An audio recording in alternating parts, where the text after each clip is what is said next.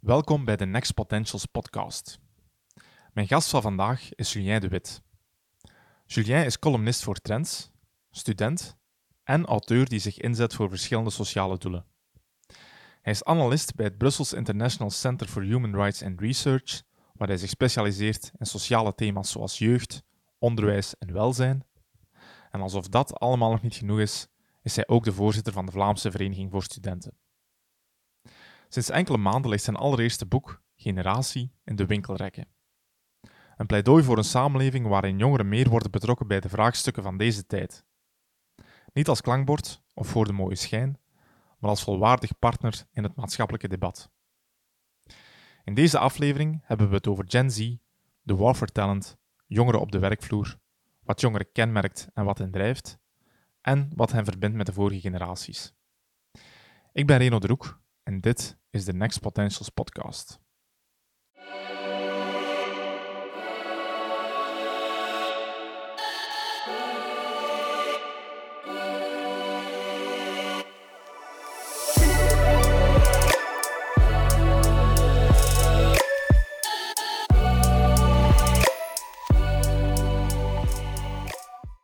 Wat kenmerkt de huidige generatie jongeren en onderscheidt hen van hun voorgangers?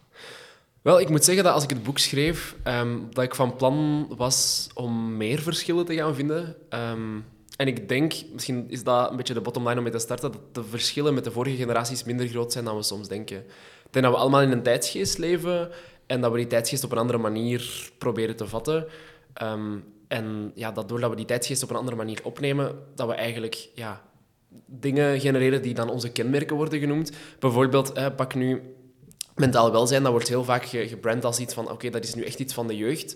Terwijl je ook mhm. ziet dat er bijvoorbeeld uh, een veertiger is die een burn-out heeft, of een depressie, of iemand die in een rusthuis zit, die daar zit weg te kwijnen omdat hij eenzaam is. Ehm, dus ja, in die zin denk ik van, is dat dan een thema van de jeugd? Nee, niet echt, maar het is wel een thema dat de jeugd op de, op de, op de, op de kaart zet. Mhm. Ehm, nu, als je echt specifiek gaat kijken naar wat kenmerkt die generatie dan wel, dan denk ik één, dat is een heel grote onzekerheid. Ehm, de wereld is keihard aan het veranderen. Geopolitiek is alles een beetje ja, naar de vaantjes aan het gaan, zo lijkt het wel. Mhm. Economie sputtert. Um, er zijn heel weinig zekerheden in ons leven. We hebben ook heel weinig houvast. Hè. Religie is, bij wijze van spreken, weg. Uh, je kunt alles doen, alles, alles worden wat je wilt, maar dat brengt ook een soort van verantwoordelijkheid mee, met zich mee. Want je moet ja, die, die, die verantwoordelijkheid ook opnemen om van jezelf iets te maken. Dus heel veel mhm. onzekerheid. Langs de andere kant ook heel veel sociale bewogenheid. Denk aan het proces Sandadia dat er is geweest. Uh, daar zijn jongeren ook op straat gekomen toen ze niet, niet oké uh, of daar, daar niet oké op reageerden. Mm denk aan de klimaatmarsen. Je kunt er voor of tegen zijn, maar ze stonden er wel. Dus er is wel een sociale betrokkenheid. En ik denk een derde factor die heel belangrijk is, um, is authenticiteit. Omdat ja, jongeren hebben heel vaak het gevoel van we leven in een wereld die heel erg fake is. En het is voor ons moeilijk om te gaan onderscheiden van wat is echt en wat is niet echt. En dat brengt wel ja, moeilijkheden met zich mee. Mm -hmm. Een interessante opmerking die je, die je, die je noemde was dat, dat, dat, veel jongeren ook misschien denken de dag van vandaag dat we in een, een moeilijke wereld leven. Dus er zijn mm. zoveel ontwikkelingen van klimaatmarsen tot geopolitiek dat er veel beweegt.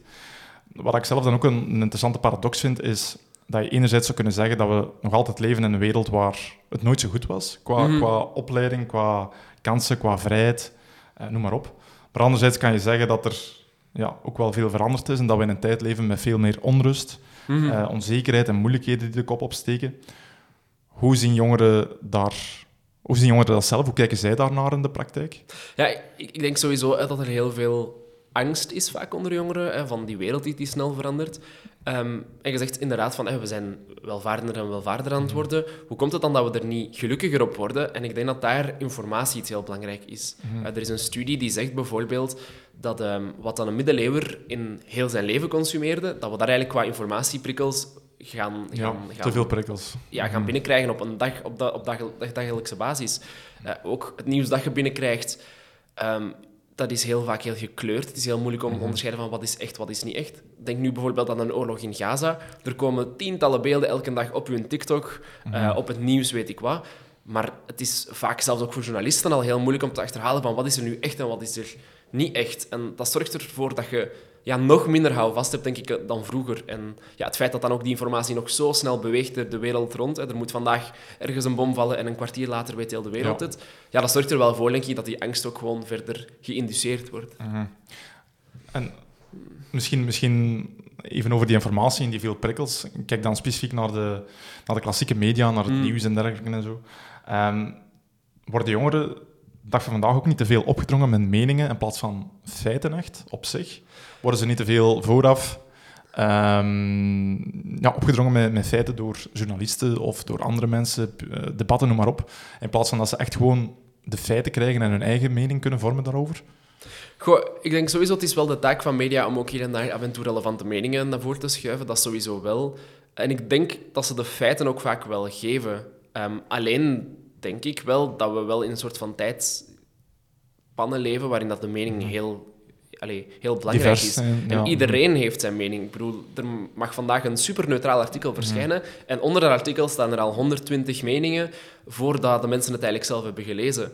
En in het Engels zeggen ze daar: eh, Everyone eh, deserves an opinion, but not everyone deserves a say. En dan vind ik het de taak van journalisten om te gaan kijken van oké, wie heeft er nu een mening die zodanig onderbouwd is dat het interessant is om die de wereld in, in te sturen. Het probleem is natuurlijk, ja, die klassieke media, die moeten vandaag ook reageren op wat er op Twitter wordt gezegd, op alle domme Facebook-berichten, op alle gênante TikToks die, die bijvoorbeeld politici ook maken. En dan zorgt dat er natuurlijk ook voor dat je debat, denk ik, een beetje bevuild wordt door ja, dingen die vaak heel simpel worden voorgesteld, terwijl ze eigenlijk in de realiteit veel complexer zijn dan dat. Ja, klopt, klopt. Misschien, misschien even terugkoppelen naar mijn eerste vraag, eh, van, van de, wat eigenlijk de, de huidige generatie jongeren onderscheidt van hun voorgangers.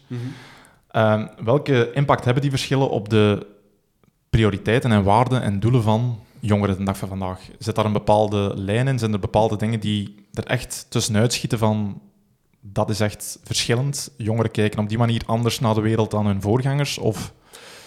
Ik denk dat jongeren zich vandaag de dag nog meer bewust zijn van zo de identiteit die ze rond zich moeten vormen. Ehm, ik denk dat mensen die uit de oudere generaties zijn en zo, dat die veel meer nog een framework hebben, hebben meegekregen. hè. Bijvoorbeeld, ehm, je leest de krant van een bepaalde zuil en de papa werkt in een bepaalde fabriek en daar is een community rond. En wij krijgen eigenlijk al van sinds dat we geboren worden de boodschap van je kunt zijn wie je wilt. En dat is een kei mooie boodschap, want je kunt letterlijk alles maken van je leven. En als je vooruit gaat en successen behaalt, dan is het 100% on you. Maar langs de andere kant brengt daar ook een heel grote, verzengende verantwoordelijkheid mee. Die zegt van, oké, als jij hier faalt, dan heb jij niks gedaan met alle kansen die je hebt gekregen. Ja, natuurlijk. Ehm, en Dus het is wel een, een, een grote druk ook, Ja. op een of andere manier, die op hun schouders rust. dat, dat, denk, dat denk ik wel. En ik denk dat dat soms meer weegt dan dat mensen zouden denken. En we zitten ook met een generatie die heel vaak vergelijkt. Hè. Het vergelijkingspunt van mijn ouders bijvoorbeeld, dat was Marieke van den Bakker. En, het dorp, ja. dat was het, het dorp was letterlijk ja, de bubbel. En, en daarbinnen kun je je gaan identificeren met bepaalde mensen. Maar ehm, ja, daar, daar, daarnaast heb je nu gewoon ook die sociale media, waar je constant duizend mensen zoals u kunt vinden. en ook, klopt. stel je haalt een succes... Mhm. eh, eh, bij wijze van spreken, je schrijft een boek. eh, oh, gezellig. Maar je kunt online binnen het kwartier 10.000 miljoen mensen vinden die, die een boek hebben geschreven. Ja, Dus, klopt. De, de middelen zijn ook veel, eh, veel ruimer. hè. Ik bedoel, eh, Mm. vroeger, eh, als mensen iets wilden bijleren, moesten ze Ja. naar school gaan. Dus ze moesten Ja, ja. een cursus leren. Van vandaag kun je alles terugvinden op internet. Mhm. Waarmee dat ik niet wil zeggen dat het onderwijs niet, eh, Nee, nee. niet nuttig is of zo, helemaal niet.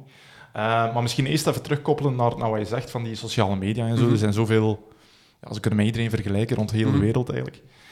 Volgens mij een van de grootste en meest onderschatte verslavingen vandaag de dag is, is doelloos scrollen op social media, op TikTok, op Instagram, noem maar op. Ik zelf maak me er soms ook wel eens eh, zondig aan tijdens het weekend. En je merkt dat, dan dat dat ook vaak ten koste gaat van productiviteit. Ehm, hoe kunnen jongeren daar weerbaarder voor zijn tussen, tussen haakjes? Of hoe kunnen ze daar op een manier mee omgaan dat het, niet, dat het geen negatieve impact heeft op Mhm. hun doelen die ze willen bereiken of wie ze Ja. zijn? Goh, er, er wordt vaak gezegd, hè, van onze aandachtspannen is nu, ehm, zoals die van een ja. goudvis bijvoorbeeld. Ander onderzoek zegt van, dat klopt dan weer niet, maar het probleem, denk ik, daarvan is vooral die afleiding. Eh, want die apps zijn ook wel echt gewoon gemaakt om u in de app te houden. En het feit dat je zo Klopt. Mhm. een chatbericht niet alleen kunt reageren op een chatbericht, maar ook tegenwoordig een duimpje of een hartje of weet ik wat voor emoji eronder kunt zetten, dat is ook puur omdat uw brein graag die prikkels heeft en hunkert naar meer en meer en meer. Die FOMO, hè? Ja, en ik denk wat dat daar wel gewoon interessant kan zijn, is om echt zo die verschillende modussen op je iPhone uh, te gebruiken. Zo dan doen het disturb, disturb modes en, en, en, al die dingen. Uh, dat heb ik bij het schrijven van het boek ook echt vaak gedaan. Dat ik, zo, ik had zo'n modus van schrijven en dan allez, enkel zo... Ons mama en mijn lief, die, die kwamen er nog door, maar voor de rest echt geen, geen input. En dan... Dat zijn wel de middagen dat je echt superveel werk verzet. Allee, klopt, dat, klopt. Ja. Mm -hmm. ja.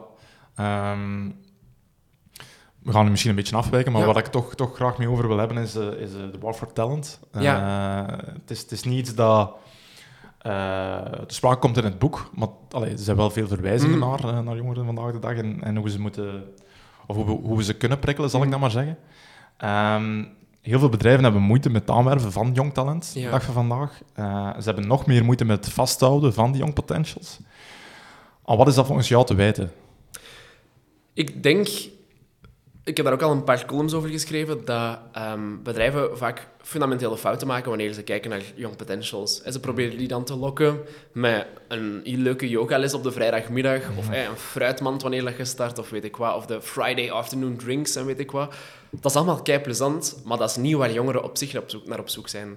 Hetzelfde denk ik met, met loon, bijvoorbeeld. Ik denk dat loon vandaag wordt overschat als zijnde een soort van prikkel van ik wil daar of daar gaan werken. Ik denk, wat dat heel belangrijk is, hè, en dan kom ik terug op die identiteit die ik er juist heb aangehaald.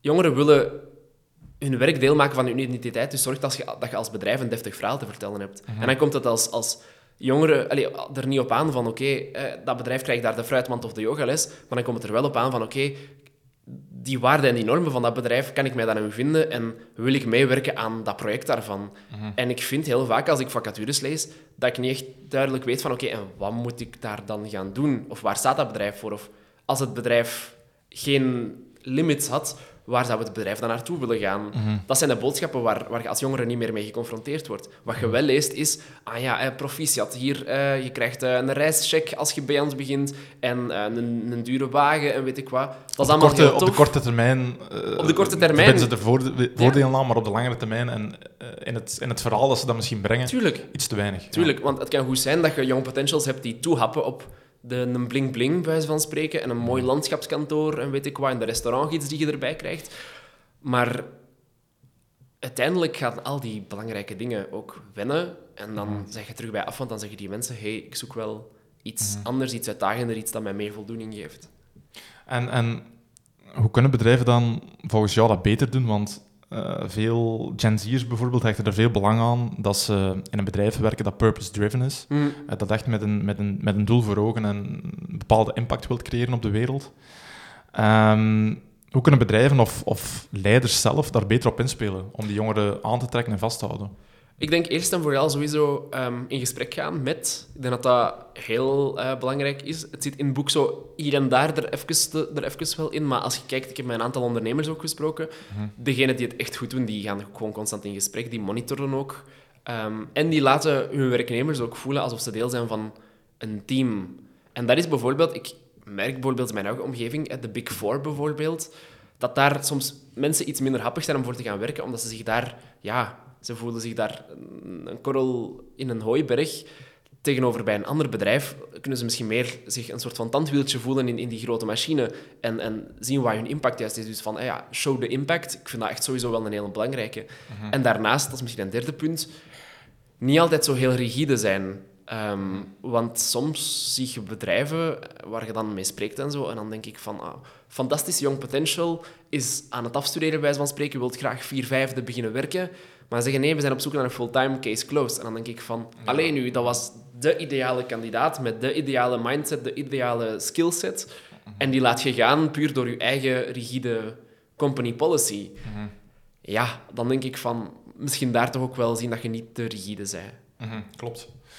En kunnen we een top 3 maken met wat dat jonge, jongere mensen vandaag de dag verlangen van een werkgever? Zijn er bepaalde punten bij die dat er echt uitspringen. Bijvoorbeeld, ik noem het maar op, uh, gelezen of gehoord ook wel van veel jongeren dat ze het niet zo fijn vinden om, om gemicromanaged te worden. Uh, dat ze vaak uh, in een bedrijf willen werken waar een soort van communitygevoel heerst. Zijn er zo bepaalde punten die daar echt naar voren schieten, waar je aan denkt? Ik denk eerst en vooral toch belangrijk zo dat normen- en waardekader van waar wil dat bedrijf naartoe. Um, want als de werkgever al niet weet waar wil ik naartoe, hoe moet een werknemer dat dan wel weten? Tweede ding sowieso, denk ik ook, ehm, ja, dat is die, die teamsfeer. Als in van, ik ben deel van een groter geheel en samen gaan we hiervoor. Dat is wel een, een heel belangrijk. En dan uh, de, de derde daarvan, vind ik, allee, of, of hoor ik wel, is ook communicatie. Ehm, dat je ja, je input kunt geven. Want wij zijn opgegroeid in een wereld, en dat hebben oudere generaties soms misschien in mindere mate door, waarin je op alles constant je input kunt geven, je mening kunt geven, kunt evalueren, ook in gesprek kunt gaan over van alles en nog wat. Ik denk dat dat misschien op de werkvloer voor sommige jongeren ook nodig is om te zeggen van hé, hey, ik heb nu dit gedaan, kan ik daar feedback op krijgen, kunnen we daarover praten? En uh, kan ik bijvoorbeeld ook zeggen wanneer ik vind als starter bijvoorbeeld, dat vind ik misschien iets minder uh, interessant dat jullie dat zo doen, kunnen we het niet op een andere manier doen. Um, al merk ik wel dat er heel veel bedrijven ook vorderingen in maken. -hmm. Je hebt het net al gezegd, veel bedrijven overschatten het belang van een startloon. Uh, Sommige jongeren vinden dat misschien van, van secundair belang. Um, door welke bril kijken jongeren vandaag de dag naar werk en carrière maken? In vergelijking misschien met de vorige generaties. Sowieso, allee, er wordt gezegd, en dat wil ik toch even nuanceren, dat jongeren heel vaak op zoek zijn naar een hoog loon. Mm -hmm. Ik denk dat dat ook wel waar is, omdat we leven in Vlaanderen en daar is nog altijd geld een heel groot taboe. Ja. Um, het is hier niet common, zoals bijvoorbeeld in andere landen, zoals in Nederland bijvoorbeeld, dat je met je vrienden op café gaat en dat je allemaal je loonbriefje bij wijze van spreken is op tafel gooit en zegt van ah, je verdient dat en ik verdien dat. En dat maakt er heel veel wilde cowboyverhalen zijn over die lonen. Van, oh, die, die krijgt 5000 euro. Terwijl dat totaal niet waar is, bij wijze van spreken. Maar dat, dat anker, dat wordt in die mensen, de andere mensen in hun hoofden wel gezet van amai, dat is wat ik moet gaan verdienen. Um, dus ja, sowieso denk ik dat dat ook een oproep kan zijn om te zeggen van jongens, spreek toch eens open over die, die verloningen. Uh, de, v, de VDAB, denk ik, heeft daar, of de Jobpad heeft daar een hele goede vergelijkingstool uh, voor qua lonen. Kan ik zeker aan, aanraden. Um, maar ja, daarnaast is het ook gewoon superbelangrijk om, uh, ja, wanneer we het hebben over die carrière, te kijken naar van hoe kun je groeien als persoon. Uh, carrière is niet meer alleen um, af te leiden of, of, samen te vatten met wat verdien ik. Daar komt een beetje op ja, ja. ja, dat is ook van hoe kan ik mijzelf erin kwijt. Wat, wie ben ik in de organisatie? Ik denk dat dat ook een heel belangrijke, een belangrijke ja, plek moet hebben in, in HR-beleid te, te koer. Omdat als je als je young potentials kunt zeggen van oké, okay, dit zet jij in onze organisatie en dit is je impact enzovoort. Ja, doordat wij constant onze identiteit zijn aan het vormgeven, wordt dat bedrijf een deeltje van uw identiteit en dan ga je dat ook een stuk minder, minder snel uh, loslaten, denk ik. Mm -hmm. Generatiekloven kunnen soms ook tot misverstanden leiden. Mm -hmm. um, hoe kunnen we betere communicatie en begrip tussen jongeren, Gen Z of whatever, en oudere generaties bevorderen om positieve verandering te stimuleren? En dan bedoel ik dat zowel op de werkvloer als in het algemeen bij maatschappelijke debatten? Ik denk sowieso, en dat is ook weer een heel algemene, um, dat we misschien ons ervan bewust moeten zijn dat we minder um, verschillen van elkaar dan dat we zouden denken. Uh, een beetje de rode draad, denk ik, door, door in een boek ook, is van, jongens, we kunnen echt best wel begrip voor elkaar tonen, want we zitten ook met dezelfde dingen. Um, het is nu een beetje off-topic, maar een voorbeeld dat ik aanhaal in het boek ook en dat me net te binnen schiet, is van armoede. Hè. We focussen altijd op de mama die de, de schoolreis van haar kind niet kan betalen, maar even hoe zit dat kind met het idee van ik mag niet mee op schoolreis? Dus er zijn heel veel problematieken en ik kan me voorstellen ook op de werkvloer die, waarvan je denkt van dat is nu echt mijn probleem en niet hun probleem, terwijl dat uiteindelijk ook allee, ook op, op, op hun impact heeft. Hè. Pensioenen bijvoorbeeld. Ik kan me voorstellen dat er nu een werknemer is die zegt van... Goh, um, ik moet binnen vijf jaar op pensioen en ik weet niet of ik het ga kunnen, allee, ga kunnen, kunnen houden, mijn, mijn, mijn financiën. Of ik, daar, of, ik, of ik niet heel hard achteruit ga vallen. Maar even, hoe zit je nu met jonge mensen die zoiets hebben van... Ja, maar ga ik eigenlijk ook nog wel een pensioen hebben? Ja, klopt. Um, dus ik denk, die, die verschillen zijn veel minder groot dan dat dat punt één is. En punt twee is ook um, dat we moeten stoppen met tussenheen generaties te gaan ja, strooien met verwijten. Uh, ik denk dat daar nog niemand beter is van geworden. En ik denk wel dat oudere mensen vaak kijken naar een jonge generatie van... Uh, ja, die, die jonge mensen, en, ze moeten zich eerst nog bewijzen en weet ik wat. Waar ze ook ergens gelijk in hebben. Mm -hmm. Maar anderzijds zit je ook wel met een jonge generatie die heel vaak zegt... Ja, en die oude mensen die alles hier naar, naar, naar de vaantjes hebben gedaan. Dus ik denk dat uit die kampen komen en meer naar elkaar toe gaan, dat dat, dat, dat wel een beetje de oplossing kan zijn. Mm -hmm. Dat is, dat is een interessante iets dat je aanhaalt, want dat is eigenlijk ook een, een vraag die ik vooraf had. Um, er wordt wel eens gezegd dat de jongere generatie de zwakste generatie sinds lang is. Eh, dat ze minder goed om kunnen met grote uitdagingen, met stress. Dat ze minder flexibel zijn, minder weerbaar bijvoorbeeld. Ehm, en vaak komt die kritiek ook uit het oudere kamp. Mhm. Dus ja, dat is ook logisch ergens. Ehm, zelf ben ik ervan overtuigd dat generaties zichzelf niet vormen. Mhm. En ehm, dat de tekortkomingen van jongeren soms ook voor een stuk de incompetentie van vorige generaties reflecteren. Eh, het is een beetje het, eh, het gegeven van one better kids, be better parents. Het is makkelijk om kritiek daarop te geven. Hoe kijk jij daarnaar? En, en snap je dat dat beeld ontstaat? Eh, of zijn jongeren misschien wel echt minder weerbaar dan vorige generaties? Goh, ehm, ik vind dat sowieso een moeilijke vraag, omdat ik het heel moeilijk vind om jongeren, allee, over jongeren te spreken. In het algemeen. Ik ja. denk, is, allee, ik zal zeggen, hogere middenklasse hier, hè, die naar school gaan en werken in Antwerpen en zo, die zullen het minder moeilijk hebben. Maar als je dan gaat kijken wat verderop in Borgerhout, mensen die elke dag moeten, moeten strijden om brood op de plank te hebben, bij wijze van spreken, kinderen die tien vakantiejobs doen om nog maar rond te komen en de mama te onderhouden en zo. Ik ga niet zeggen dat zij het veel gemakkelijker hebben. Ehm, nu, sowieso denk ik dat problemen en, weerbaarheid en zo, dat dat sowieso heel tijdsgebonden is.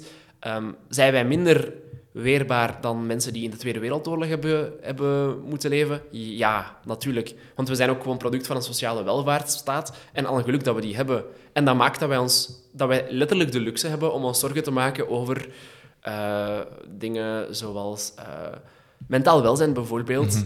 dat, dat is iets, als je in een oorlogssituatie zit waar je je fysiek lijden en zo... allee, moet, moet prioritiseren en, en moet, moet gaan oplossen. Dan is dat tussen haakjes een luxe probleem. Ja, dan- dan is dat een luxe probleem. Of dan is er ook gewoon geen mentale capaciteit en ruimte om daar mee Ja. bezig te zijn. Ja, en allee, een depressie enzovoort, iedereen is daar in zekere mate in een soort van traumatische ervaring. Dus in zekere zin is dat in, in zo'n situatie een luxe. Ehm, maar dan denk ik ook altijd van, goh, als dat dan bijvoorbeeld komt van iemand die vandaag 50 is of 40, dan denk ik van oké, maar evengoed heb jij ook wel de vruchten kunnen plukken van na de Tweede Wereldoorlog, hè, de, de, de, de, de, de wederopgang, laat ons zeggen. Dus ja, ik, ik vind dat dat heel genuanceerd is en dat we eigenlijk niet veel verder komen door altijd te zeggen van ah ja, maar eh, zij hebben dit wel gehad. En in mijn tijd was er die crisis. Ja, deze generatie heeft ook COVID gehad, wat ook niet gemakkelijk was. Is dat hetzelfde als de Tweede Wereldoorlog? Dat weet ik niet. Ik heb niet in de Tweede Wereldoorlog geleefd. Ik denk van niet. Maar die weerbaarheid, ja, dat is voor elke generatie een, een werkpunt, denk ik. Ja, en op elke generatie zal er ook wel kritiek Ja, zijn natuurlijk. Tuurlijk. Eh, ik denk dat dat ook eigen is aan, aan, aan de maatschappij Mm. een beetje. Ehm, nu dat we toch redelijk algemeen over Mhm. jongeren bezig zijn, wil ik het ook nog even terugtrekken naar het, naar het boek. Ja. Ehm, wat zijn enkele veel voorkomende misvattingen of stereotypen over jongeren eh, die vandaag de dag leven binnen onze maatschappij? En die, waarvan jij dacht van, ah ja, shit, dat klopt wel. Eh, die springen er echt uit. Zijn er bepaalde misvattingen die oudere generaties hebben over jongeren de dag van vandaag? Ik denk dat er wel eens wordt gedacht dat jongeren er niet van wakker liggen. En wat het juist is, dat mocht je zelf invullen. Hè. Eh, ik zal zeggen, de economie die sputtert, daar liggen die niet van wakker. Het onderwijssysteem dat naar, naar de bom gaat, daar liggen die niet van wakker. Dat zijn dingen die je wel al eens een keer hoort. Ah ja, ze hebben geen leerkracht voor Frans, dus tien uur studie per week, bij wijze van spreken. Ja, maar dat is tof, want hè, die zullen dat wel plezant vinden, dan kunnen ze vroeger naar huis. Terwijl als je dan, zoals ik heb gedaan, met die jongeren gaat praten, dan zie je wel een heel aantal jongeren die zeggen, ja, maar ik zit hier op school en ik ben hier zoveel tijd aan het verdoen, maar ga ik nog wel kunnen doorgroeien? Ga ik nog wel een, een carrière kunnen maken later? Ga ik nog wel aan de universiteit kunnen gaan studeren als ik die en die en die competenties niet heb, omdat ik geen leerkracht heb gehad voor, voor een bepaald vak? Dus ik denk dat we heel erg moeten oppassen met te zeggen van, die liggen er niet, niet van wakker, of eh, die zijn daar niet mee bezig. Eh, bijvoorbeeld ook, eh, jongeren zijn niet geïnteresseerd in politiek, wordt ook heel vaak gezegd. In het spelletje, laat ons zeggen, van die voorzitter, die eruit en, en Ja. die wordt minister en die dan toch net niet, daar zijn jongeren niet in geïnteresseerd. Ik denk trouwens Niet alleen jongeren, denk heel ik. veel, Ja. mensen, heel veel mensen niet. Maar wanneer je gaat praten met, met jongeren, dan komen er wel heel vaak politieke thema's naar boven. Als het echt over de inhoud gaat, Ja, dan, dan, zijn ze, betrokken. super geïnteresseerd. En ehm, ja, ik, ik denk dat dat toch sowieso twee misvattingen zijn die Mhm. de wereld uitgeholpen zouden mogen wor- worden. Mhm. Dat is ook wat ik heb geprobeerd te doen met het boek. In, in het boek sowieso staan er nog, nog een aantal andere, maar ik kan er niet direct... eh, Ja, nee, nee, nee, maar dat zijn al twee eh, mooie voorbeelden, denk ik. Ehm, in het boek, ik kan niet te veel spoilen over wat Ja, erin staat. In het boek begint ieder hoofdstuk ook met een, eh, een citaat. Eh, Ja. staat er onder andere één in van eh, Seneca, Romeins filosoof. Ja. Eh, geld alleen heeft nog niemand rijk gemaakt. Een hele mooie quote. Ehm, wat betekent succesvol zijn voor de huidige generatie jongeren? We hebben het al kort aangehaald. Het is niet alleen meer geld, loon. Wat betekent succes voor de jongere generatie? Ik denk dat we daarmee een heel tweezijdige blik zitten. Ik denk dat er een, een groep jongeren is die er echt van overtuigd is van succes is wat ik kan laten zien aan anderen. Dat is de volledig verkeerde mindset volgens mij. Eh, je ziet dat bijvoorbeeld ook als ik Het vergelijken met anderen. Ja, of als ik zo zie op TikTok en zo, allee, iedereen entrepreneur, bij wijze van spreken, en dan denk ik van...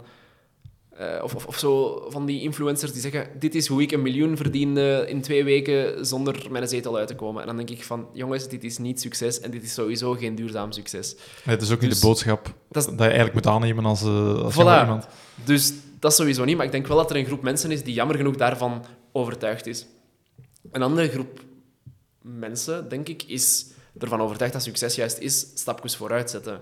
En ik geloof bijvoorbeeld heel hard in die vorm van succes. En persoonlijk, en dat is een beetje een kritiek denk ik op, op wat er algemeen wordt aangenomen, ben ik ook wel van mening dat succes ook ligt in het proces eerder dan in het resultaat.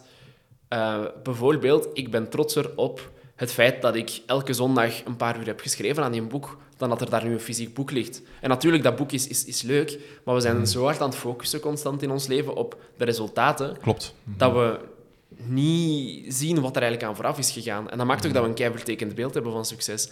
Want we zien niet de kei moeilijke raad van bestuur die een ondernemer heeft gehad, maar wel, ah, hij staat met zijn kopje in de gazet en hij kan zeggen dat hij een, miljoen heeft binnengehaald, bij wijze van spreken. Eh, we zien niet de werknemer die dag in dag uit zichzelf heeft, heeft liggen afbeulen, bij wijze van spreken, om toch maar zijn targets te halen. We zien wel de promotie die op LinkedIn wordt aangekondigd. En dat is wel iets kwalijk, denk ik, dat we zo ehm, eenvoudig naar succes zijn gaan kijken. Dus ik denk dat succes gewoon is jezelf elke dag smijten en proberen er het beste van te maken, gegeven de omstandigheden. Dat vind ik wel interessant wat je zegt. Van, ik, ben, ik ben trotser op het feit dat ik ieder weekend zoveel uren heb kunnen schrijven. Eh, zonder consistentie is er ook geen succes. Eh, merk je dat, dat jongeren, ook door de afleidingen die er vandaag de dag zijn, dat ze daar meer moeite mee hebben om, om consistenter aan iets te werken? Of dat dat nu studiegerelateerd is, of dat dat werkgerelateerd is? Is dat iets dat er speelt bij hen? Dat denk ik wel. Ehm, en ik denk dat dat inderdaad in grote mate ligt aan die afleiding. Dat dat echt iets is dat, ja... Allee. Bijvoorbeeld, soms denk ik ook van... Ik, ik denk soms dat we er goed aan zouden doen om iets meer ehm, bewust om te gaan met de tijd die we hebben of zo. Eh, omdat bijvoorbeeld soms zie ik zo mensen in de les zitten en die dan een hele Netflix-serie zitten te kijken tijdens de les. En dan denk ik van, maar gaat dan toch niet, weet je? Ik bedoel... Want dan zeg je zo half aan het ontspannen, half niet. En dan, allee, Ja. dan denk ik van, goh, we zouden echt iets meer mogen nadenken over wat dat we doen met onze tijd. En Klopt. ja, ik bedoel, eh, soms zijn er mensen die zeggen van, goh, eh, ik heb nu een boek geschreven en zo. Je hebt tijd te veel, zeker? Of je hebt- meer uren in een dag? Ja, nee, ik heb gewoon andere dingen wat efficiënter gepland. Of, Het is prioriteiten stellen ook eh, een stuk. Ja, het is dat. En Mhm. dat zorgt... Oké, ik, kan niet liegen, dat is niet altijd... eh allee, je gieren brullen geweest. Dat was ook af en toe een lach en een traan, bij van spreken. Van, oh shit, ik heb hier een, een, een deadline en ik ga hem misschien niet halen, of misschien toch wel. En ik zal van de nacht tot laat moeten doordoen, sowieso. Maar ja, dan denk ik van, goh, wees toch ook af en toe gewoon eens wat bewuster bezig met je tijd. En, en probeer ook die afleiding af en toe eens een keer af te blokken. En pas op, ik ben daar zeker geen Ubermensch. Ik kan ook echt eh, serieus allee, tijd verliezen. Eh, niet minst op de trein eh, of op de bus, wanneer ze weer te laat zijn. Ja, uitstelgedrag is iets dat Ja. bij veel jongeren, bij veel jonge mensen, ik reken mezelf er ook bij, eh, vandaag de dag wel, wel vaak de kop opsteekt, denk ik. Ja, nee, klopt. Wat ik ook wil vragen is, is, en dat is misschien dan nog even terugkoppelen op Mm. wat we er net al besproken hebben, dat er, dat er veel ja, unieke uitdagingen zijn vandaag de dag waar jongeren mee om moeten gaan. Van economische onzekerheid tot klimaatverandering, allerhande geopolitieke ontwikkelingen. Wat zijn volgens jou, als dat al valt samen te vatten, eh, de belangrijkste vaardigheden of denkwijzen die jongeren moeten ontwikkelen om die problemen het hoofd te bieden? Ik denk één, flexibiliteit. Ehm, omdat ik merk, en dat zie je op heel veel domeinen, ook bijvoorbeeld in het onderwijs. En er wordt nu vandaag ervan uitgegaan van oké, ik studeer vandaag rechten. En na vijf jaar zeg ik van oké, ik heb dit nu gestudeerd en ik ben voor de rest van mijn leven jurist. Ik denk dat we in zo'n ver- veranderende wereld leven, dat we stilletjes aan zullen moeten gaan nadenken van oké, hoe kan ik mezelf constant verbeteren? Ik geloof echt zo in het concept van levenslang leren, dat we heel ons leven lang gaan moeten bijscholen, nieuwe dingen gaan moeten leren, misschien nieuwe starten moeten maken, eh, misschien di- dingen beëindigen, andere dingen beginnen. Dus flexibiliteit vind ik een heel belangrijke. Sowieso ook, denk ik, die authenticiteit, omdat ik merk dat dat toch wel de bron is voor veel problemen, denk ik, onder jongeren. Dat er zo niet authentiek meer wordt gepraat. Dat het allemaal picture perfect moet zijn. En dat jongeren niet altijd durven te vertellen van... Het is eigenlijk helemaal niet zo roze geur en maneschijn als, als dat ik het wil doen uitschijnen. Ik denk dat dat heel belangrijk is. En ja, een derde vind ik sowieso ook gewoon die mentale weerbaarheid, ehm, denk ik. Omdat, ja, ik bedoel, wat we vandaag doen is heel erg ehm, met ons brein. Eh, we zijn heel weinig met onze handen nog bezig, zeker hier in het Westen. En dat is wel iets, denk ik, waar we, waar we waakzaam voor moeten zijn, dat we ja, dat innerlijk werk... Allee, ik wil nu niet klinken als een of andere yoga-guru, bij wijze van Guru, ja. spreken. Maar ik denk wel dat het gewoon belangrijk is dat je zo... Ja, in zo'n veranderende wereld je emoties kunt reguleren Mhm. en ervoor kunt zorgen dat je op een gezonde manier omgaat met je mentale welzijn en, en goed in je, in je vel zit. Mhm. Een van de conclusies uit het boek is ook dat het, het, het nieuws of de media of de maatschappelijke debatten ehm, die er vandaag te doen, dat die vaak heel negatief gebracht of gevormd worden richting jongeren. Ehm, het toekomstbeeld dat wordt geschetst is vaak nogal pessimistisch. Ja, Ehm, welke impact heeft dat volgens jou op jongeren en, en hoe kunnen we dat beter doen? Ja, sowieso denk ik dat dat ook wel een reden heeft. Namelijk dat negatief nieuws gewoon beter verkoopt. Eh, Mhm. bijvoorbeeld ook in, eh, op de sociale media wordt dat bijvoorbeeld geprioritiseerd. En dat is ook niet heel gek, want uw brein is ook ja, voorgeprogrammeerd letterlijk om gevaren te zien voor de kansen en de opportuniteiten. Omdat dat is hoe dat we in leven blijven eh cru gesteld. Dus sowieso denk ik dat het belangrijk is om, om, om dat mechanisme in uw achterhoofd te hebben. Eh, maar daarnaast denk ik dat we ook wel gewoon dat tegenverhaal moeten durven brengen. En dat is denk ik ook gewoon de hoofdboodschap in mijn boek van... Kijk, er zijn deze en deze en deze maatschappelijke problemen, maar er is ook een hele generatie jonge mensen die samen met andere generaties voor vooruitgang wil zorgen en vooruit wil gaan. Eh, neem bijvoorbeeld de klimaatverandering. Het beeld dat we daarvan krijgen is heel negatief. En het ziet er absoluut niet goed uit, maar er is nog altijd wel de wetenschap. Er is nog altijd wel de Er is nog techniek. hoop. Er zijn nog mensen die zeggen van... hey, dit, dit, dit komt in orde, we gaan dit, dit samen aanpakken. En ik zeg altijd van... Er wordt heel vaak... Eh, worden er foto's getoond in het nieuws van bijvoorbeeld een klimaatactivist die daar staat met een bordje There is no future. Maar het feit dat je daar staat, dat je daar zegt van ik ga daar staan en ik ga iets in verandering zetten, dat betekent dat je van binnen nog altijd dat sprankeltje hoop hebt. En Klopt. ik denk dat we dat vooral niet mogen, mogen doen blussen, maar eerder moeten aanwakkeren. We zouden het ook bijna vergeten, maar je behoort zelf ook nog tot de generatie jongeren. Ja. Eh, daarom is het boek ook zo krachtig volgens mij. Eh, je hebt veel research gedaan, veel mensen geïnterviewd. Welke zaken kwamen er tijdens die gesprekken naar boven die je heel goed herkende in jezelf?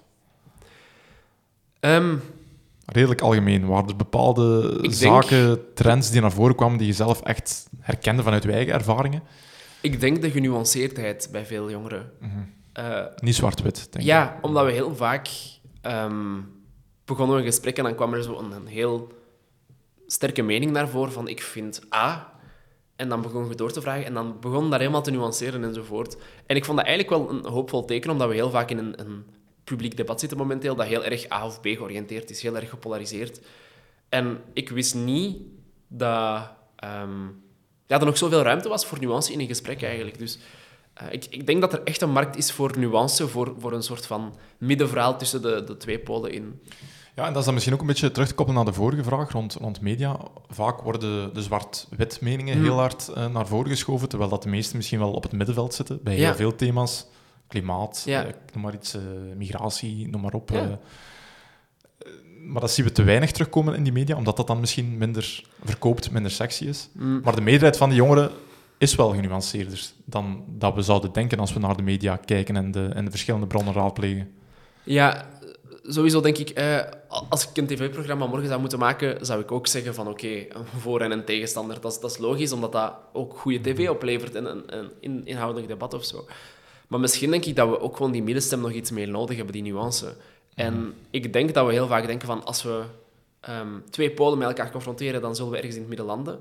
Maar ik denk dat het resultaat heel vaak is dat veel mensen zeggen van, ho, hier haak ik af. En dat is Mhm. juist wat we absoluut niet willen. Eh, en een, een tweede ding is sowieso, het middenverhaal, bijvoorbeeld in politieke termen, wordt ook niet meer deftig uitgelegd. Hè? Nee, klopt. Ehm, iedereen gaat maar mee in een soort van polarisering. En het meest genuanceerde verhaal dat je kunt vinden is eigenlijk een afgezwakte, een afgezwakt uiterste, bijvoorbeeld. Mhm, mhm, klopt. En Ja, dat er is ook, geen, er is ook geen, geen, geen middenveld meer in de politiek eigenlijk, Nee. even vandaag. Nee. Eh, we zien dat ook terug in de peilingen. En- de uitersten doen het goed. Ja. Dat is ook voor een, voor een reden, denk ik, omdat zij een heldere boodschap hebben. Ja. Langs de andere kant is er ook veel ruimte, denk ik, voor die, die middenpartijen. Maar Tuurlijk. wordt het te, ah, ik weet niet, te, te, Mhm. te onduidelijk gecommuniceerd of zo? Ja, en je ziet ook dat de middenpartijen bijvoorbeeld gaan heel snel mee op die trein van dezelfde communicatiestijlen als Klopt. de extreme. En dan probeert je eigenlijk een genuanceerde, heel...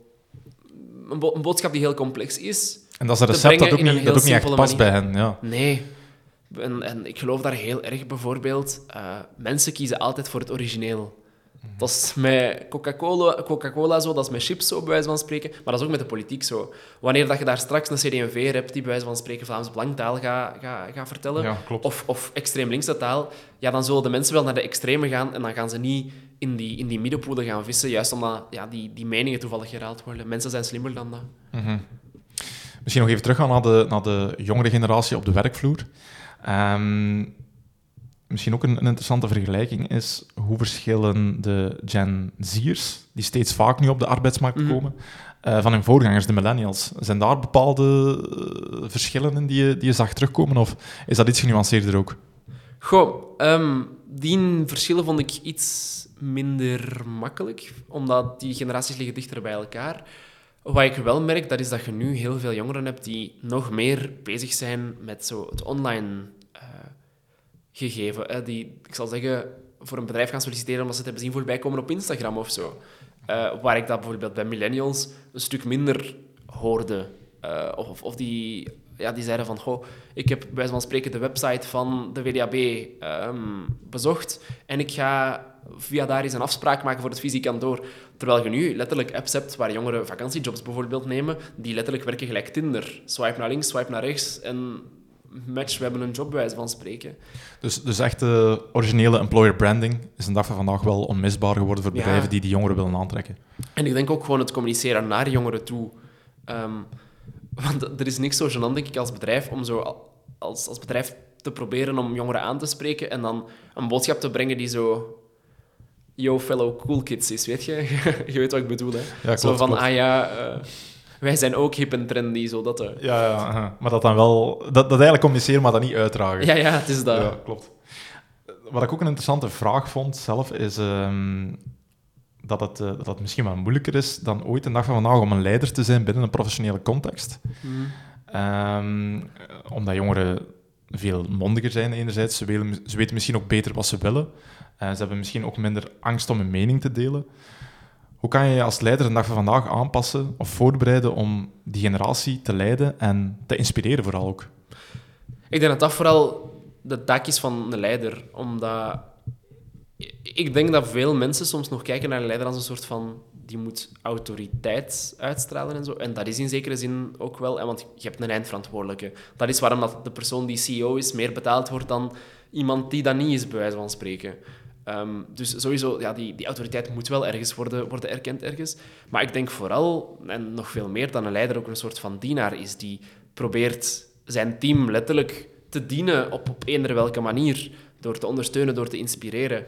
En ehm, ik denk altijd van, goh, een goede leider is voor mij niet iemand die zelf in de spotlight loopt, maar juist iemand die ervoor kan zorgen dat andere mensen ook in de spotlight kunnen, kunnen lopen.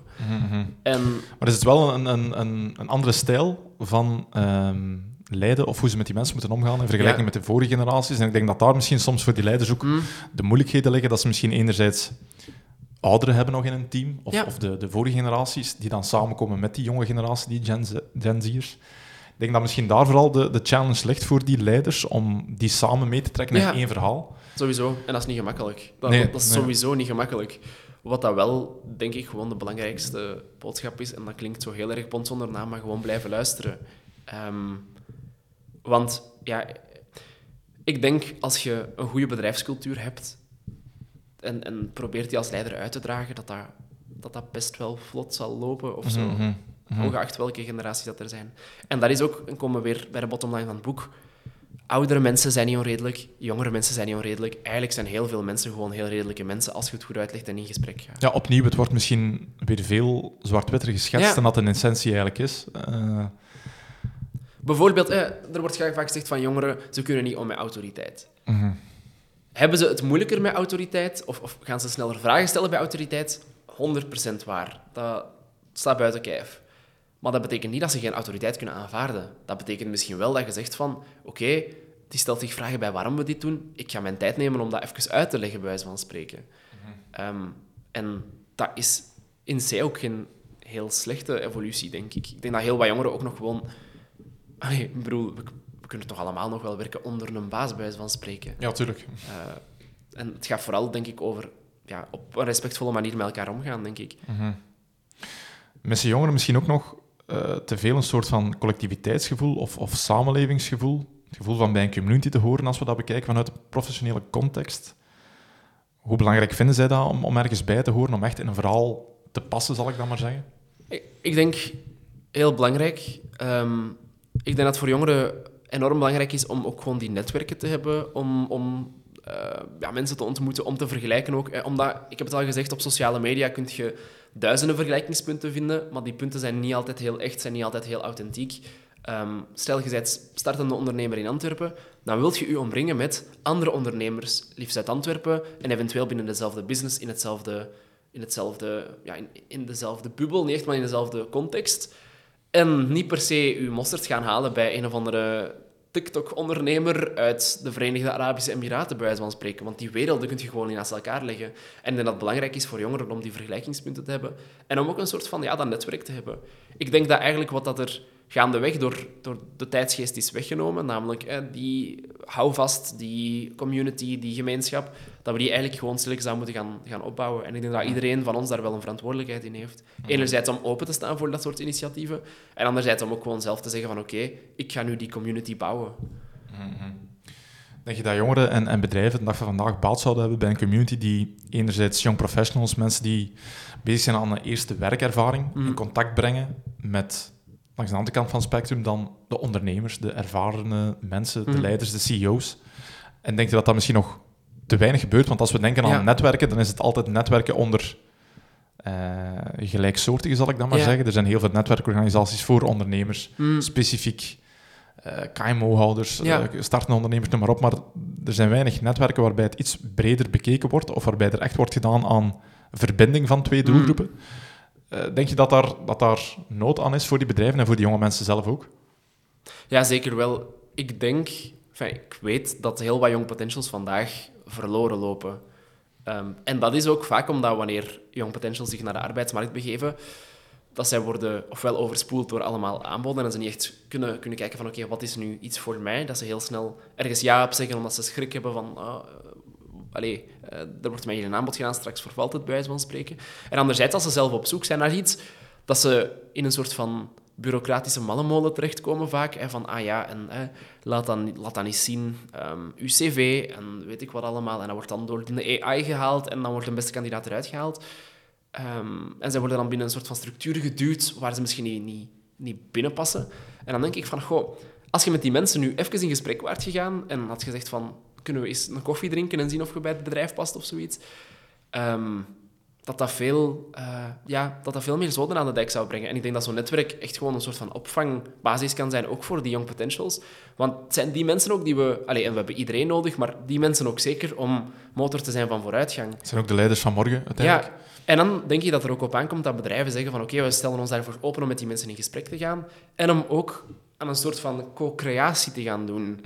Ehm, Want wat je ook wel ziet bij veel bedrijven is dat ze bijvoorbeeld, als we spreken over zo'n specifieke initiatieven van, van uitwisseling van verschillende jongeren binnen verschillende bedrijven, die bijvoorbeeld samen in een, traject of een netwerk Mm. zitten, dat ze soms ook wel schrik hebben voor die andere bedrijven, omdat dan hun jongere werknemers kunnen kijken van, of kunnen horen van, zo gaat het eh, te werk bij die andere bedrijven. Dat is wat, wat ze daar doen qua inspanningen voor jongeren. En dat ze dan misschien schrik hebben om, om hun mensen te verliezen.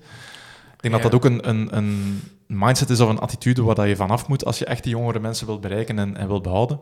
mm, Ehm, Wat zou jouw advies daarvoor zijn voor die bedrijven? Ja, sowieso denk je dat het nooit een probleem is om jezelf in zo'n netwerk te engageren. Ehm, vergelijken doen ze toch sowieso. Want allee, op, op het internet, bij wijze van spreken, vind je, als je ergens gaat solliciteren, zo tien ex-werknemers die een positief of een negatief verhaal kunnen vertellen over je bedrijf. Dus dan denk ik van, dan kun je beter nog altijd zelf skin in the game hebben en zeggen van, dit is het narratief dat ik naar buiten stuur, dan dat je ja, het volledig laat afhangen van wat dat mensen hier en daar gaan sprokkelen. Uh, dus ja, alleen maar allee, positief tegenover zo'n initiatieven, denk ik. Ja. Het boek bevat ook een, een hoofdstuk over woke en diversiteit. Ja. Um, Heel moeilijk hoofdstuk. Ja, ik, ik, las het dat je dat, dat je dat moeilijk vond om over te schrijven. Misschien eerst en vooral, hoe kijken jongeren naar het woke-fenomeen in het algemeen? Ik denk dat daar jongeren wel heel gepolariseerd zijn. Um, en ik heb daar heel veel gesprekken over gehad met jongeren die um, zelf uh, ja, zeggen van ik ben wokist, om het zo te zeggen, die, die ook die term daar zelf op plakken. En ook jongeren die zeggen van ik ben compleet anti, bij van spreken. En ik denk dat we daar echt in een heel vergiftigd debat zitten, omdat woke is zoiets... Uh, is, laat ons zeggen, een soort van, van inclusie denken dat soms echt is doorgeslagen. Maar anderzijds is het ook wel een soort van hondenfluitje van heel veel mensen om te zeggen van ik wil eigenlijk niet een gronde een debat voeren, dus eh, dat is woke, uh, want ja, dat past niet in mijn kraam of zo. Het is een soort van scheldwoord geworden. En dat is niet waar jongeren naar op zoek zijn. Wanneer ik met jongeren spreek, dan hoor ik wel degelijk dat ze inclusiviteit heel erg belangrijk vinden. En alle buzzwords die ze daar rond gaan creëren, bij wijze van spreken, ja, die brengen niet echt iets bij aan, aan, aan debat. Um, ik denk dat jongeren best heel inclusief zijn, dat eigenlijk geen enkele jongere bijna twijfelt aan, aan hoe belangrijk het is om divers te zijn. Ook elke jongere heeft vandaag de dag diverse vrienden. Dat kan gewoon niet anders. Diversiteit is, is een realiteit. Alleen is de manier waarop je ermee omgaat natuurlijk wel, wel anders bij, bij veel verschillende mensen. En ik heb geprobeerd in het boek um, ja, weg te gaan van, van de twee tegenpolen en ja, geprobeerd die mensen elkaar in het midden te laten, te laten Ja, ook weer opnieuw, hè, dat, die twee tegenpolen, dat is wat ja. er naar voren komt op het, op het nieuws en dergelijke. Terwijl ik denk dat heel veel jongeren op zich geen probleem hebben met de term woke, of waarvoor het dan in essentie staat. Ik denk dat het misschien nu wel meer wordt afgekookt naar iets ja, dat wat polariserend kan zijn, uh, maar dat, dat eigenlijk de meeste mensen wel ja, voor diversiteit zijn, dat ze, daar, ja. dat ze daar een heel positief beeld over hebben. Mm, neem, neem bijvoorbeeld um, koloniale schilderijen. Ik ben een tijd geleden uh, in Den Haag geweest en daar was het Mauritshuis, uh, een, een, een ex-slavendrijver, maar heeft fantastische kunstwerken verzameld en weet ik wat allemaal. Bij die schilderij hangt een bordje. Kijk, weet wel, deze man heeft deze schilderijen eigenlijk... Uh, allee, wat er hier is afgebeeld, dat is eigenlijk niet zo'n mooi, fraai initiatief, maar uh, dat is, hij was een, een slavenhandelaar en weet ik wat. En dit hebben de slaven meegebracht en weet ik wat allemaal. Ik denk dat geen enkele jongere er een probleem bij heeft dat die context wordt gegeven. Ik denk dat dat belangrijk is dat die context wordt gegeven. Dat is net een positieve zaak. Wanneer je zegt van, we moeten dat Mauritshuis gaan sluiten, dat museum, want er is er zijn een heel aantal dingen gebeurd die niet kosher waren. Dat is dan voor veel jongeren, denk ik, weer een, een, stap te ver. En ik denk dat daar gewoon belangrijk is. En pas op, misschien voor andere mensen zeggen die van... Dat, allez, dat, is voor mij, uh, dat is voor mij wel nodig dat dat sluit. Maar dan denk ik van, laat ons daar dan gewoon in gesprek gaan. Want um, het probleem is met woke dat dat gewoon elk gesprek sluit. Eh, oh, eh, die bordjes en zo, dat is allemaal woke. Ja, dan heb je geen diversiteitsdebat ook niet meer. Dus dan, dan ja, dat, dat, dat brengt weinig meerwaarde in het debat. Mhm. Ik las onlangs een artikel, het was eigenlijk meer een, een, een bekentenis um, van een aantal medewerkers binnen een HR-bedrijf. En die zeiden dan, ja, wij doen allemaal wel alsof dat we heel woke en tolerant zijn met ons bedrijf en heel divers. Maar achter de schermen op de werkvloer in de praktijk doen we dan niks anders dan roddelen of er de spot mee drijven. Eh, denk je dat mensen vandaag de dag soms ook meer schrik hebben om gezien te worden als niet woke en bijgevolg gecanceld te worden, hmm. uh, dan dat ze echt woke zijn van zichzelf? Doen we, niet, doen we niet soms een beetje te veel aan zelfcensuur met dat in het achterhoofd? Um, ik denk inderdaad dat sommige mensen wel politiek correct willen zijn. Um, en vinden jongeren dan misschien ook uh, moeilijk om, om daarmee om te gaan? Hoe ervaren zij dat? Merken zij, uh, heeft, heeft die zelfcensuur een soort van invloed op hun eigen meningen soms? Heel moeilijke vraag. Ehm, ja, ik, ik, denk sowieso dat mensen wel erg oppassen met wat ze zeggen. Um, en, en, en soms ook maar goed, want als je iets zegt, moet je er best ook even over nagedacht Tuurlijk, hebben. Ja. Uh, en, en, wanneer je het dan hebt over die, die werknemers en zo, um, dan vind ik het ook wel gewoon belangrijk dat we niet aan uh, in het geval van bijvoorbeeld de, uh, de LGBT-community zeggen van we gaan een pinkwashing doen. Hè? We zijn allemaal super... En dan bijvoorbeeld geen inclusieve sfeer creëren op, op het bedrijf of zo. Ik denk van... En dat vind ik gewoon het belangrijkste. En dan komen we terug bij die authenticiteit. Zorg ervoor dat wat je uitstuurt, dat dat authentiek is. Mhm. En ja, je ziet bijvoorbeeld ook, eh, bijvoorbeeld met de, de Pride Week bijvoorbeeld, eh, alle grote bedrijven doen dan eh, hun logootjes in, in regenboogkleuren en zo, terwijl ze bijvoorbeeld ehm, in heel wat andere landen actief zijn, waar dat bijvoorbeeld, ja, dat logootje dan weer niet verandert enzovoort. En dan denk ik van, ja... Een beetje de hypocrisie. Ja, een beetje de hypocrisie. En ik denk dat daar uiteindelijk niemand bij, bij gebaat is. Eh, maar dat het als bedrijf belangrijk is om te zeggen van, hé, hey, wij zijn, als dat inderdaad het geval is, een inclusieve organisatie. Ja, dat is wel, dat is wel belangrijk. En uiteindelijk hè, denk ik dat... Allee, of er nu iemand, een nieuwe medewerker op de werkvloer verschijnt die eh, een, een, een andere huidskleur heeft, die een hoofddoek draagt, die transgender is, die toevallig homoseksueel is of zo. Ik denk dat er heel weinig mensen daar echt van wakker liggen. Ehm, maar ik denk soms ook van... Vanuit die politieke correctheid ga ook niet... ehm, hoe moet ik het zeggen? Een soort van beeld ophangen van je organisatie die niet waar is. Want er is niks erger dan zeggen ik ben een inclusieve organisatie en dan Ja. het niet zijn. Ehm, maar jongeren vinden het wel degelijk extreem belangrijk dat er wordt ingezet op het feit dat iedereen zich daar thuis mag voelen. Want dat is ook de samenleving waar wij in opgegroeid zijn. Tuurlijk, ja, klopt. Je geeft zelf ook aan in het boek dat je het, dat je het wel moeilijk vond om over woke en diversiteit te schrijven. Heel moeilijk. Wat was jouw beeld over woke voor je het boek schreef en hoe is dat veranderd? Zowel wat betreft jongeren als wat betreft het totaalbeeld van woke binnen de maatschappij. Ik had niet gedacht zoveel diversiteit aan jongeren te vinden in, in meningen eh, over woke. Dat sowieso. En in hoeverre ben ik, ben ik veranderd in, in die mening? Ik denk dat ik misschien nog genuanceerder ben geworden. Ook al was ik al wel heel genuanceerd. Ik denk dat ik heel erg zo in het centrum zat van eh, woke is een hondenfluitje fluitje voor wie zichzelf woke noemt, eh, voor, voor wie anti-woke is. Hè. Ze zeggen dan allemaal van dat is woke, dus we moeten het er niet meer over hebben. Maar anderzijds zeg ik ook wel van ja, sommige dingen gaan wel erg ver en gaan een beetje voorbij, denk ik, aan de kern van de discussie. Ehm, maar ik heb door met complete anti-wokers en complete wokers, bij wijze van spreken, te gaan spreken, ook wel hun standpunt begrepen.